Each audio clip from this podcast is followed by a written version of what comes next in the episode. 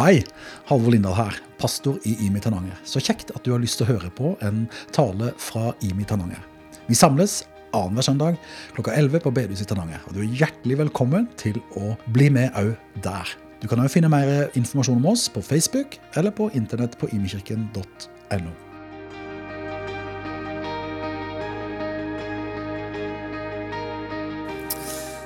All right. Good. Altså dette her, Jeg gleder meg skikkelig til. Jeg gleder meg sånn i forberedelsene. For jeg har kost meg, og det er kjekt. Så jeg har altfor mye. Så derfor er det greit å ha tiden. Men det blir bra. Vi ser hva vi får tatt. Utrustet er temaet vi går i gang med, og skal være temaet eh, resten av denne våren. At Gud har lyst til å utruste oss. Hva er det å utruste? Jo, det er at vi får eh, de redskapene vi trenger for å utføre et oppdrag. Og altså det, Når jeg tenker ordet 'utrustet', så ser jeg liksom for meg en soldat da, med en rustning. Han har altså ut og så rustning. Altså Du har en utrustning. Og litt sånn er det kanskje at vi skal få på oss eh, den rustningen Gud vil gi oss til å stå i det vi skal stå i, til å stå i den eh, kampen du vil, som vi skal stå i, men òg å gjøre det vi er sendt for å gjøre.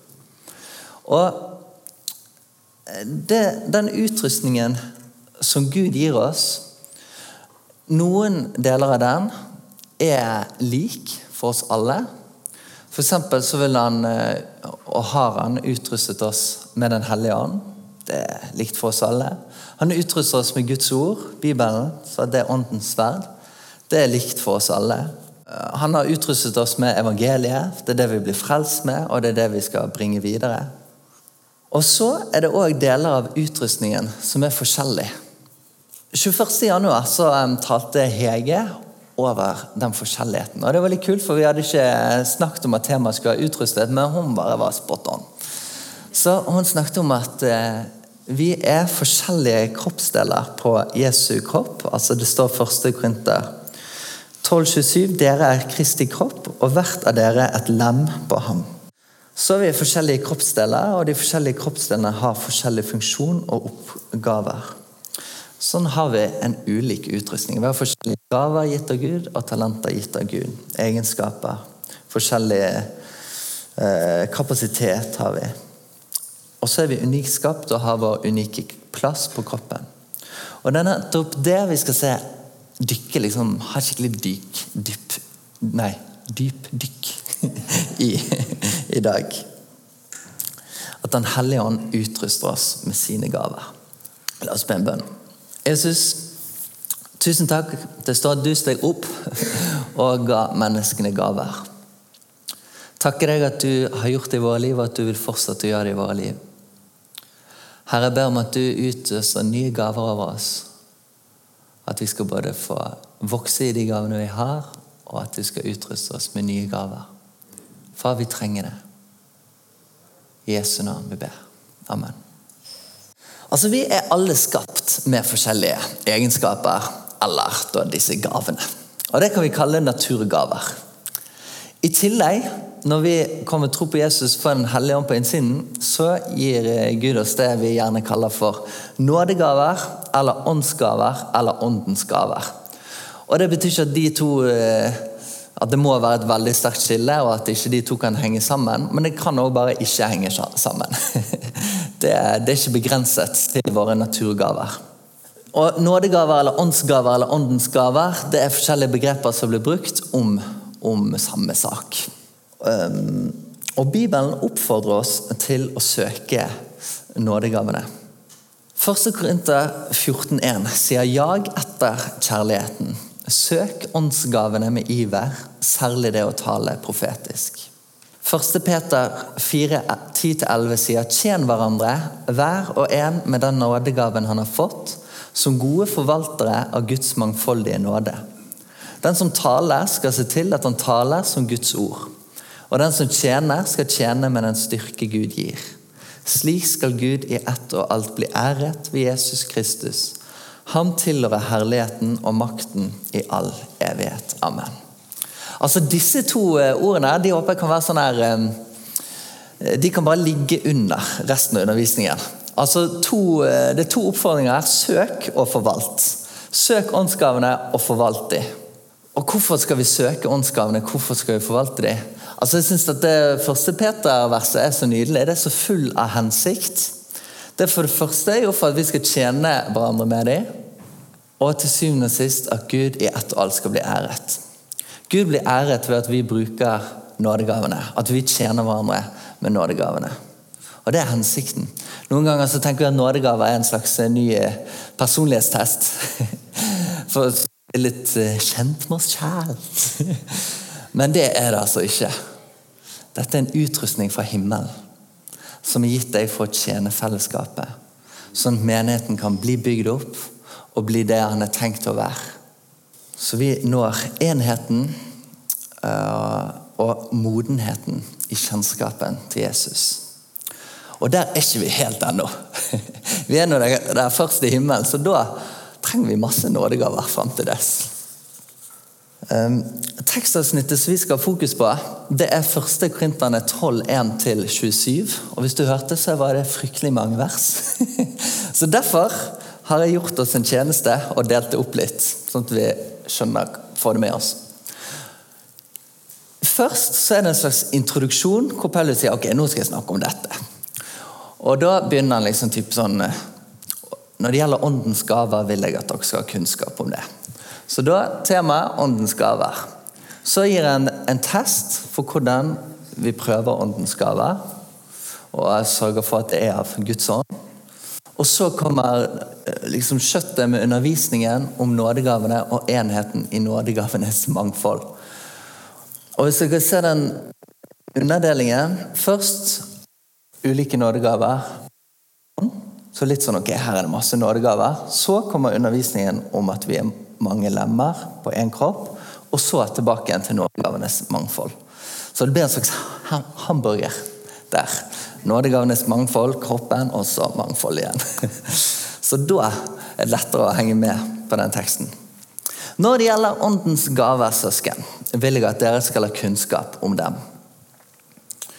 Så kommer testen. Dere vet at da dere var hedninger, ble dere viljeløst revet med til de stumme avgudene. Derfor kunngjør jeg for dere at ingen som taler i Guds ånd, sier 'forbannet er Jesus', og ingen kan si 'Jesus er Herre' uten i Den hellige ånd. Så kommer gavenes mangfold. Det er forskjellige nådegaver, men ånden er den samme. Det er forskjellige tjenester, men Herren er den samme. Det er forskjellige kraftige virkninger, men Gud er den samme. Han som er virksom og gjør alt i alle. Hos hver enkelt gir Ånden seg til kjenne, slik at det tjener til det gode. For ved én og samme ånd blir det gitt én å tale visdom, en annen å formidle kunnskap, en får ved den ene ånd en spesiell trosgave, en annen får nådegaver til å helbrede, og en får kraft til å gjøre under. En får den gave å tale profetisk, en annen å bedømme ånder. En får ulike slag av tungetale, og en annen kan tyde tungetale. Alt dette gjør den ene og samme ånd, som deler ut sine gaver til hver enkelt slik han vil. Så kommer kroppen. Slik kroppen er én, selv om den har mange lemmer, og alle lemmene utgjør én enda de har mange, slik er det også med Kristus. Slik kroppen er én, selv om den har mange lemmer Nei, dette leste jeg jo akkurat. Ja, jeg skrev det to ganger. For med én ånd ble vi alle døpt til å være én kropp. Enten vi er jøder eller grekere, slaver eller frie.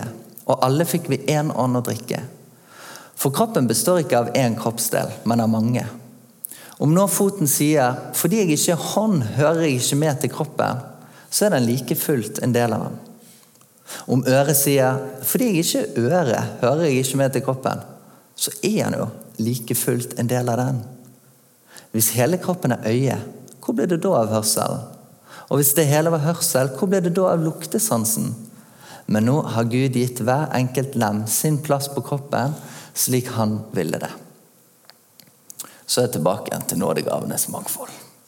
I kirken Nei, det, vi er ikke der ennå. Hvis det, det var litt langt. Hvis det hele var én kroppsdel, hvor ble det da av kroppen? Men nå er det mange kroppsdeler, men bare én kropp.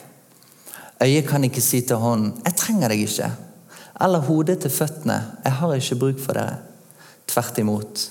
De delene av kroppen som syns å være svakest, nettopp de er nødvendige. De kroppsdelene som vi syns er mindre ære verdt, dem gir vi desto større ære. Og de delene vi føler skam ved, kler vi desto mer sømmelig. De andre trenger det ikke. Men nå har Gud satt sammen kroppen slik at det som mangler ære, får mye ære, for at det ikke skal bli splittelse i kroppen, men alle lemmene har samme omsorg for hverandre. For om ett lem lider, lider alle de andre med. Og om ett lem blir hedret, gleder alle de andre seg. Dere er Kristi kropp, og hver av dere et lem på ham. Så tilbake til mangfoldet. I kirken har Gud for det første satt noen til apostler, for det andre profeter, for det tredje lærere, deretter mektige gjerninger, deretter nådegave til å helbrede, til å hjelpe, til å lede og til ulike slag tungetale. Er vel alle apostler? Er alle profeter? Er alle lærere? Gjør vel alle under? Har alle nådegave til å helbrede? Og taler alle i tunger? Kan alle tyde tungetale? men vær ivrige etter å få de største nådegavene. Så nå har vi vært igjennom ca. det. Altså um, Noe som er ganske interessant, at undervisningen om Kirken som Kristi kropp, den er i sentrum av undervisningen om nådegavene. Og undervisningen så kommer det da altså en, en opplistning av nådegaver. Så altså er i undervisningen av nådegaver er det at vi Kristi kropp er helt essensiell. Sånn som så kroppsdelene har forskjellige evner og funksjoner, men alle er nødvendige. Sånn er den nådegaven og tjenesten Gud gir den enkelte, nødvendig. Og dersom Kirken skal være en velfungerende kropp, dersom vi skal være en velfungerende kropp, så trenger vi at nådegavene er i funksjon. I forberedelsene til eh, denne undervisningen så har jeg eh, brukt litt tid i denne boken. Av Tormod Engelsviken. Heter 'Tent for å tjene'. Um, den er gull. Den er anbefalt. Um, jeg, og han skriver om nådegavenes sammenheng med, med undervisningen om Kirken som Kristi kropp. Nådegavene er altså ikke noe valgfritt, noe ekstra. Men de hører med til selve Kirkens vesen som Kristi legeme. Så det er ikke noe valgfritt, noe ekstra. Det er helt naturlig for oss å si at Kirken er Kristi kropp. Da burde det være helt naturlig for oss å si at nådegavene er en sentral del av det å være kirke. Dette er jo nesten utfordrende. Så Da er det altså viktig at vi har et aktivt forhold til åndsgavene. La oss søke dem, sånn at vi kan bli det fellesskapet Gud har skapt oss til å være. Noen er redd for at vi skal bli usunne hvis vi søker åndsgavene. Men det er òg en fare for at vi blir usunne hvis vi ikke søker åndsgavene. Åndsgaven skal brukes med visdom, og det skal forvaltes rett, og det skal være kjærlighet i bunn. Men de skal Altså, dette er jo Dette er på en måte, Hvis du har kjærlighet, også med kraft, så blir det enormt kjærlighets... Et enormt sterkt uttrykk for kjærlighet. Så vi skal gå gjennom noen eh, punkter eh, med utgangspunkt i denne teksten. For det første så leser vi om en test han hadde for å teste nådegavene. Og Jesus er testen. Han skriver derfor kunngjør jeg dere Derfor kunngjør jeg for dere at ingen som taler i Guds ånd, sier 'forbannet av Jesus', og ingen kan si 'Jesus er Herre' uten i Den hellige ånd. Jesus er testen alt skal prøves på, og åndelige uttrykk. En, skal prøve profetiske ord eller undervisning på om det som blir sagt, er i tråd med Jesus og hvem han er. Er det som skjer, i tråd med bekjennelsen at Jesus er Herre? Og Tilgangen vi har på Jesus, er jo naturligvis gjennom Bibelen. Det er jo det beste vitnesbyrdet vi har på hvem Jesus er. Apostlenes lære. Det var De tolv apostlene Jesus eh, sa at ok, dere, de som hører dere, de hører meg. De hadde vært med Jesus. Så er det som skjer, i tråd med bekjennelsen av at Jesus er Herre, eller går det på kompromiss med Jesus som Herre? Um, og Derfor er det viktig at vi kjenner Jesus, at vi har et aktivt forhold til Bibelen. Sånn at vi kan avgjøre om dette er av Jesu hjertelag, om dette er av hans karakter. Og egentlig så er Denne måten å bedømme ting på er egentlig veldig fin å ha med seg sånn generelt. Det å kunne prøve en tanke du får. Ok, Er denne tanken i tråd med bekjennelsen av at Jesus er Herre? Er dette Guds tanker, eller er det noen andre tanker?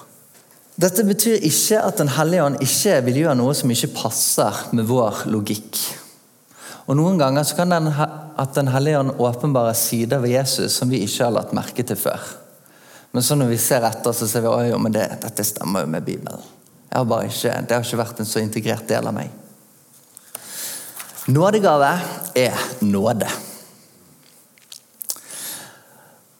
Altså Vers 7 gir en helt nydelig um,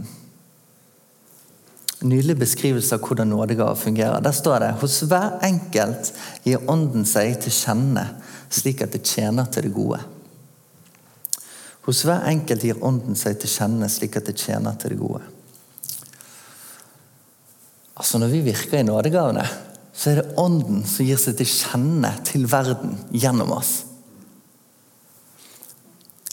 Altså Sånn at Guds ånd skal komme, gjøre seg til kjenne for når vi kommer sammen gjennom nådegavene. Altså ved at, at, at Guds ånd bor i oss og gjør ting gjennom oss, så får folk møte Gud. De møter Den hellige ånd. Så ånden trer frem og får gjøre det han vil når vi tjener hverandre med nådegavene. Og Ved bruk av en nådegave så er det Guds ånd som er drivkraften og gir oss å handle og, og virke. Jeg synes egentlig Det er nesten en litt sånn fin definisjon på hva en nådegave er. Jo, det er når Den, når den hellige ånd gir seg til kjenne gjennom oss. Jeg kan ennå kan diskutere om det er en definisjon eller ikke. men ja. Igjen så viser det hvor viktig nådegaven er. Det er en måte Guds ånd kommer til orde i menighetens liv og tjeneste. Hva skal vi vel med å drive med en menighet hvis ikke Guds ånd får komme til orde? Da blir det litt dødt. Det er jo igjen bekjennelsen Jesus er Herre. Det er Kristi ånd. Og så um, Og så det at det er Gud som er virksom gjennom oss, det er òg noe vi kan hvile i. At det hviler ikke på vår prestasjon. Det, ikke, det hviler ikke på hvor flinke vi er, men at det er Gud som gjør det. Og I selve ordet nådegave så ligger jo det at det ikke har med vår prestasjon å gjøre. Det er nåde. Det kommer av samme, samme rotord, om du vil. Um, en gave er jo ikke en gave om vi jobber oss til det. Da er det jo lønn. Og nåde Altså, han Engelskviken han forklarer at nåde har to fasetter. Først og fremst så innebærer nåden at Gud tilgir syndene våre for Jesus skyld. Det andre aspektet ved nåden er Guds kraft ved Den hellige ånd. Det er kraften til å leve et nytt liv. Og både kraften til tjenesten og tjenesten sjøl er nåde. Det er ingen av oss som fortjener å tjene Gud. Jeg fortjener ikke å stå her. Det er bare nåde. Uten Guds nåde så hadde du gått fortapt hele gjengen. Det er jo ikke tull engang. Ikke fantastisk? Det er bare nåde. Um, og Det andre aspektet da er jo altså denne kraften. I første Peters brev så leser vi at å tjene hverandre med nådegavene det er å være forvalter av Guds mangfoldige nåde. Altså Nåden, eller kraften om du vil, kommer på kommer til uttrykk på ulikt vis. Så Noen har fått nåde til å undervise. Noen har fått ekstra nåde til å hjelpe. Noen har fått nåde til å være enormt raus med pengene sine. Og så betyr jo ikke det at vi andre ikke skal gi, eller at vi andre ikke skal si en ting. Eller, liksom. Men noen har fått en, en nådegave til det. Så da blir det å ta i bruk nådegavene er å forvalte Guds mangfoldige nåde. Guds mangfoldige kraft. Så trekker da Engelsviken han trekker fram tre konsekvenser det har for tjenesten. For det første, altså det at det er Guds nåde. For det første, det gir hvile. For tjenesten skal bli gjort i Guds kraft og ikke min egen. Det er en ydmykhet. Fordi at det er jo når Gud, bruker når det, altså Gud bruker en, det er da det har betydning. Det er noe vi har fått. Og så kan man gi det òg frimodighet. Ydmykhet og frimodighet går hånd i hånd. Det er ikke motsetninger. Det gir frimodighet, for en kan være frimodig, for det er Gud som har gitt det, og det er Han som har kalt den. Ja, I forhold til dette da med nådegave nåde, det betyr jo òg at det er ikke noe som av tidligere som har vært, eller hvordan livet ble, eller et eller annet, som diskvalifiserer deg. Det er Guds nåde. Åndens ulike måter å gi seg til kjenne på. Så var det disse listene. da. Vi leste to forskjellige nådegavelister. og Hvis vi går til romerbrevet, så kan vi finne en tredje liste. Der skriver Paulus at eh, vi har forskjellige nådegaver, alt etter den nåde Gud har gitt oss. Den som har profetisk gave, skal bruke den i samsvar med troen. Den som har en tjeneste, skal ta seg av sin tjeneste. Den som er lærer, skal undervise. Og den som trøster, skal virkelig trøste. Den som gir av sitt eget, skal gjøre det uten baktanker. Den som er satt til å lede, skal gjøre det med iver. Den som viser barmhjertighet, skal gjøre det med glede. Og det at disse listene er litt forskjellige i Romerbrevet og Korinterbrevet, det gjør at den, eh, det er nærliggende å tenke at det ikke er en fast liste over nådegaver. Det er når Guds ånd gir seg til kjenne gjennom oss. Og så er Det klart det er noen fellestrekk med de listene. Det tjener til andres oppbyggelse, og det er Jesus og Herre. Så det er ingen som har nådegave til å stjele, liksom. For det går på kompromiss med bekjennelsen av Jesus er Herre. Noen gaver oppleves kanskje som litt mer eksotiske. Og Kanskje tenker en at en burde ha sånn og sånn gave. Og Kanskje kan en tenke at noen gaver, som det å profetere eller å helbrede, er mer åndelig. Men nådegave til å hjelpe er like åndelig som nådegave til å helbrede eller nådegave til å profetere. De står rett ved siden av hverandre. Guds ånd som gjør under, er òg Guds ånd som gir medfølelse og barmhjertighet. Og Gud er jo enormt handy. Kanskje noen har nådegave til å være handy. Jeg har ikke den. Jeg føler jeg ødelegger alt det tar i.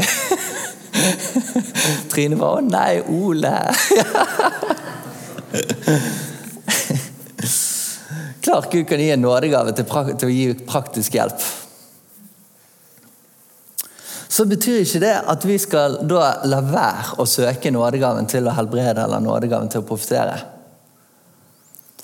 Altså, Paulus oppfordrer oss og oppmuntrer oss til å gjøre det. Vi kan ikke her uh, gå gjennom alt av de gavene som står, men vil si noen ting uh, om, uh, om noen av gavene. Profetisk tale, hva vil det si? Jo, det innebærer å si fram en guddommelig inspirert åpenbaring. Um, altså, og Det at profeti er åpenbaring, det handler om at Gud gjør noe kjent. Noe som kanskje er skjult, gjør han kjent. Sånn som jeg nevnte i sted om at Kanskje er det Guds åpenbarer en ny side av seg sjøl som du ikke har sett før. Det var skjult for deg. Og så åpenbarer Guds ånd den siden gjennom et profetisk ord, f.eks. Og så blir det gjort kjent. Eller det kan være at en får et profetisk ord om noens folks liv, og så taler du Guds ord inn i den situasjonen. Og Sånn gir også det profetiske en sterk opplevelse av å stå av å ha med Gud å gjøre. Av å stå ansikt til ansikt med Gud. Jeg husker jeg satt på bussen en gang og prata med noen. og så eh, opplevde jeg å få um, en tanke om hva den personen drømte om. og Så delte jeg det, og så sier personen 'Hvordan visste du det?' Det har ikke jeg sagt til noen før. Da var det noe skjult som ble gjort kjent. Og så gir jo det en åpenhet til å kunne fortelle videre om Jesus. Så profeti innebærer å bringe Guds ord eller åpenbaring inn i en konkret situasjon. Det kan også være for oss som menighet. Og det handler ikke nødvendigvis om å forutsi framtiden, selv om det også kan innebære det. Og første, uh, første Korinterbrev 14,3 sier men den som taler profetisk, taler for menneskene til oppbyggelse, formaning og trøst. Så er profetiske budskap og nådegaver for øvrig det er stykkevis og delt. Ting blir ikke komplett på denne jorden. Og profetiske budskap skal òg prøves. Første Tessalonika 5, 19-21 sier 'slukk ikke ånden, forakt ikke profetord, men prøv alt og hold fast på det gode'. Og Det er den som får ordet, som har rett til å prøve det, og det er, det er ofte lurt å gjøre det i fellesskap. Så, og, ja, Hvis man bare sitter for seg sjøl, så eh, Og isolasjon, da blir man fort veldig åpen for forførelse, egentlig.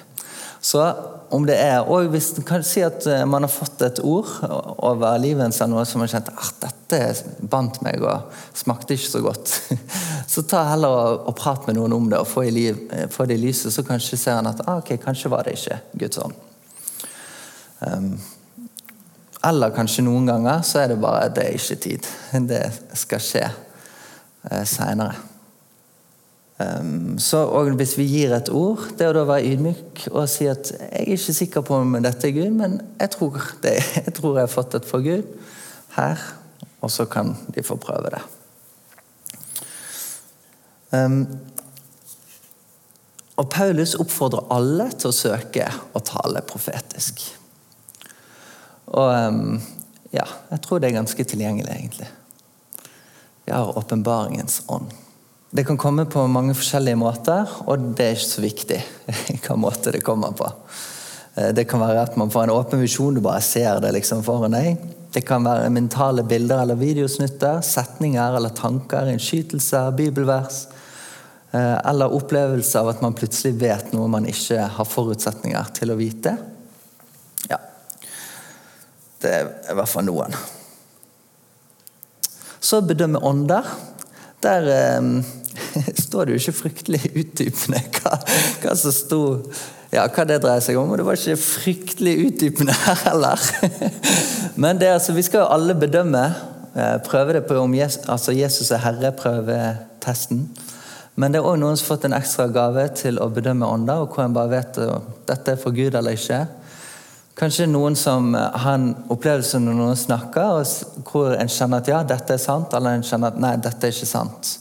Og Kanskje noen har det mer som fysisk, at en kan kjenne det fysisk på kroppen at det er ubehagelig eller vondt. Kanskje mm, noen eh, ser i det åndelige og ser eh, både gode ånder og vonde ånder. Eller gode ånder, engler i så fall. Um, og så skal det også sies at denne gaven skal også prøves. Um, og den gaven kan ofte forveksles med egne fordommer eller frykt. Ja. Så Leave it there, så går vi videre til tungetallet. um, å tale i tunga det er å tale et språk man ikke forstår. Det er et bønnespråk til egen oppbyggelse. Og eh, Paulus snakker om å be i Den hellige ånd. Så det, handler, det henger sammen med bønn og tilbedelse av Gud. Og En taler gjerne noen ord som man sjøl ikke opp, altså man opplever kanskje ikke sjøl at man former ordene, men mer at de blir formet når du taler, men du må likevel tale. Så du må liksom sette tungen i aksjon og bruke stemmen din. da. Det er ikke sånn der eh, plutselig bare Det var teit. Men du skjønner hva jeg mener. Du må liksom, du kan, man kan bestemme sjøl når man skal starte og slutte. Og Um, ja. Um, det tungetallet Snakk med Halvor. Han uh, kan det. Og En kan òg be om å få uh, tydningen til tungetallet. Enten at man tyder noen andre sin tungetale, eller tyder sin egen. Ja, Det var de gavene, tenkte vi, som er mer sånn De andre er litt mer selvforklarende. Jeg, en lem er jeg en kroppsdel? Når vi har snakket om dette, så kanskje det høres eh, for noen litt høytsvevende ut. Kanskje nytt for noen, og for andre er kanskje dette kjenner jeg godt til. liksom. Men dette er for alle. Altså Kjernen til Paulus' argument, nemlig at vi er Kristi kropp, og at vi alle er en kroppsdel på denne kroppen. Og om du ikke hørte Hege sin tale, om det, så hør han på Spotify. Altså jeg synes det, det, at vi er Kristi kropp, det er et helt nydelig bilde. Og det, eh, Eller ikke bare bilde, men det sier så mye om hva Kirken er. Det sier noe om at vi, hvem vi tilhører. Vi tilhører Jesus, vi er Kristi kropp. Det er Han som er Herre. Det sier noe om hva oppgaven vår er. Siden vi er Jesu kropp, så er vi kalt til å fortsette i Jesu gjerning og tjeneste på jorden. Men det Paulus er opptatt av i denne sammenhengen, det er likevel ikke så mye hva oppgaven til kroppen er, eller, men han er mer opptatt av å trekke fram forholdet mellom den enkelte lem og resten av kroppen. Det at vi er én og samme kropp, selv om vi er mange kroppsdeler. Så vi tilhører hverandre. Og det vi gjør, påvirker hverandre. Og vi trenger hverandre. Alle kroppsdelene hører med til kroppen. Det har sin plass sånn som Gud vil det, og alle delene er nødvendige. Og siden alle kroppsdelene er nødvendige, så kan ikke vi undervurdere vår egen plass og si at siden jeg ikke har den eller den gaven, så skal ikke jeg tjene, eller så hører ikke jeg med. Eller tenke at en ikke er nødvendig. Og Av samme grunn så kan vi heller ikke overvurdere oss sjøl og se ned på andre og tenke at vi ikke trenger de og de og deres tjeneste. Vi er ikke alt i ett. Vi er ikke Jesu kropp på egen hånd. Vi er en kroppsdel på Jesu kropp, og det er egentlig veldig befriende. Vi skal ikke bære hele sulamitten sjøl, liksom. Vi er Vi er en kroppsdel på kroppen. Og alle som tror på Jesus, er en del av den kroppen. Alle hører med, alle har sin plass sånn som Gud vil det. Alle har en tjeneste å utføre og en nådegave å bruke. Sagt på en annen måte Guds ånd vil gi seg til kjenne gjennom deg. Guds ånd vil gi seg til kjenne gjennom deg. Vil du la han gjøre det? Og Dette er altså ikke for noen få, for noen spesielt interesserte, karismatiske personer. Det er for alle. For vi er alle som tror på Jesus, har fått Den hellige ånd. Tiden hvor det bare er enkeltpersoner som Gud bruker, er forbi. Hans ånd er utøst over alle som tror. Alle får være med. Woohoo! Let's go for it. Altså det, det at det var én sånn superprofet jeg sier ikke at, altså selvfølgelig, folk har, Noen har spesielt profetisk gave i dag òg, men i Gamle testamentet var det vel liksom enkeltpersoner. Mens nå er det hele gjengen. Det er utøst over alle. Noen ganger så opplever en kanskje å sitte litt på sidelinjen. Litt på benken, om du vil, hvis vi bruker fotballbildet. I forhold til det med tjeneste. Og i hovedsak så lar en seg bli betjent heller enn å betjene andre. Og i perioder så kan det være helt nødvendig å få lov å være litt på sidelinjen. Hvis foten er knekt, så trenger han litt bandasje og være litt i ro før han er klar til å, å bli helbreda. Men ikke bli parkert på sidelinjen. Ikke bli værende der. Vi trenger at hele kroppen fungerer, og at hele kroppen er med og tjener. Vi trenger å tjene hverandre. Så vi trenger at du lener deg framover og søker åndsgavene og tjener fellesskapet med de. Det er ikke sånn at det er noen få som gir, og resten tar imot. Alle gir, og alle får. og så er det sånn altså Gud kan bruke oss helt på tross av våre forutsetninger til å bli brukt. altså, som sagt, Vi har forskjellig kapasitet og alt det der, men til og med i sykdom så kan Gud bruke oss. Hvordan kan det se ut å søke nådegaver? Søk og forvalt. La oss be om å få nådegaver. Noen ganger tenker vi jeg skal finne ut hva nådegaver jeg har. Og det kan vi. Det, det er bra å være klar over det. Men det det står her, er ikke 'finn ut hva gave du har'. Det står 'søk åndsgavene med iver'. Om du ikke har det, så kan du få det. Altså om du ikke har den eller den gaven. Det Jeg satte det litt på spissen, men det er up to grabs. Gå for det. Be om å få det. Er det noe du har lyst til å få det, så gå for det og be for det. Og gi deg ikke før du har det. Noen ganger, og om vi har allerede nådegave man er bevisst på, så be om å få vokse i den. Så må du rett og slett teste. Vi er, det, hvis vi skal helbrede syke, så blir ikke de en før vi legger hendene på dem og ber for dem. Og ikke stopp selv om det ikke funker med en gang. Bibelen snakker om å være tålmodig i bønn. Noen ganger må vi kjempe litt, og det er å kjempe litt med Gud. Og om vi ikke får bønnesvar, så ok, men kanskje vi får fred eller en åpenbaring. Eller noe som gjør at vi kan, kan leve, leve, med det. Mange av dere kjenner Terje Høiland. Han forteller at han ba for minst 100 personer et år uten å se noen helbredet. Så etter hvert så han sett flere helbredelser, og han førte logg over alle helbredelsene inntil han kom over 500. Da stoppet han med loggføringen. Han var tålmodig i bønn. Og så er det ikke sikkert, Når vi snakker om helbredelse, så er det ikke sikkert en person blir helbredet selv om en ber veldig mye. Og Det kan være enormt smertefullt, og den smerten må vi gi rom for og ta på alvor. Og bære hverandre i det.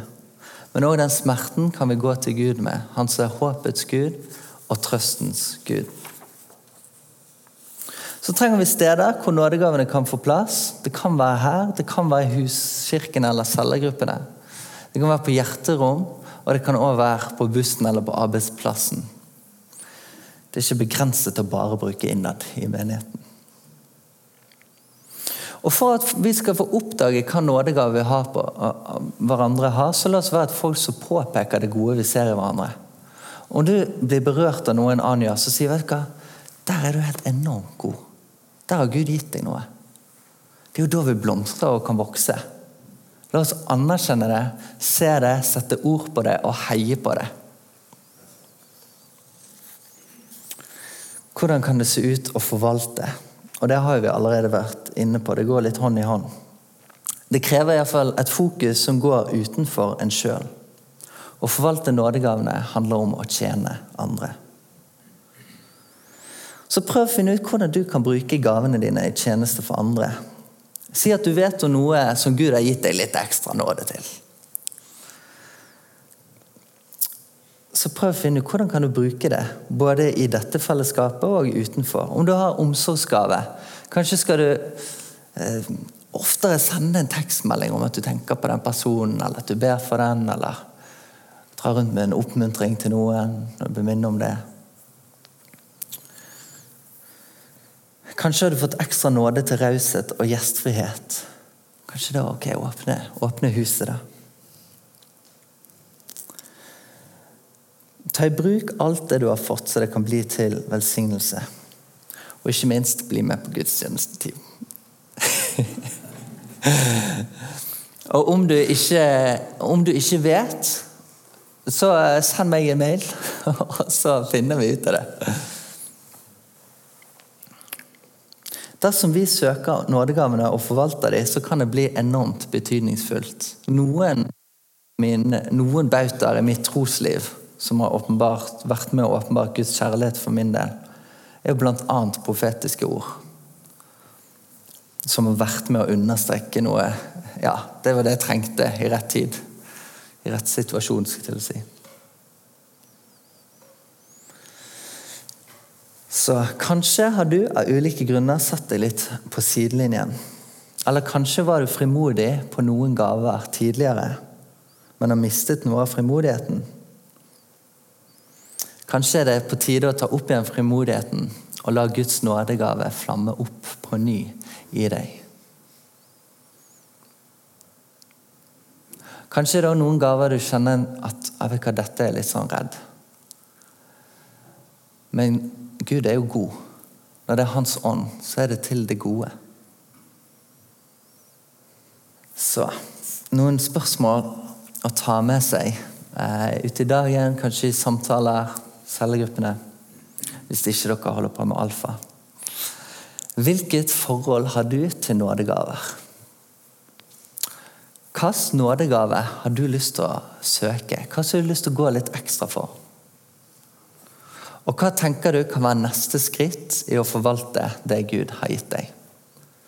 Dette er veldig store spørsmål som ikke er gjort på to minutter. liksom. Hva forhold har du til nådegaver? Her er vi på forskjellige plasser. Noen er liksom dette jeg har gjort det i alle år. For noen er det kanskje helt nytt. Kanskje er det skremmende. Kanskje er man inspirert. Hvilke nådegaver ønsker du å søke? Hva har du lyst til å gå for? Hva er du sulten på? Og tenk òg hva er det vi trenger? Hva er det du har nød for? Hva er det du har nød for å se et gjennombrudd på i fellesskapet vårt? Så gå for det. Gå framfor Gud og si Gud, her trenger vi at du gjør noe.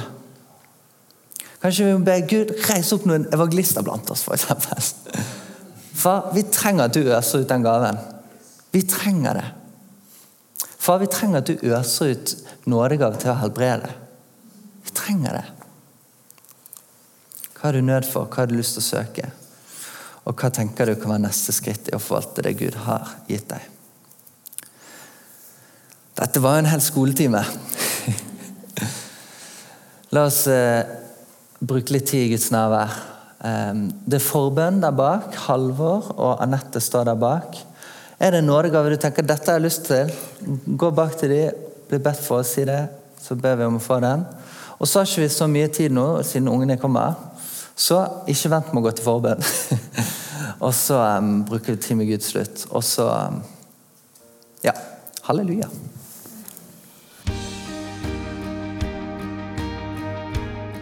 Takk for at du hørte på en tale fra Imi Tananger.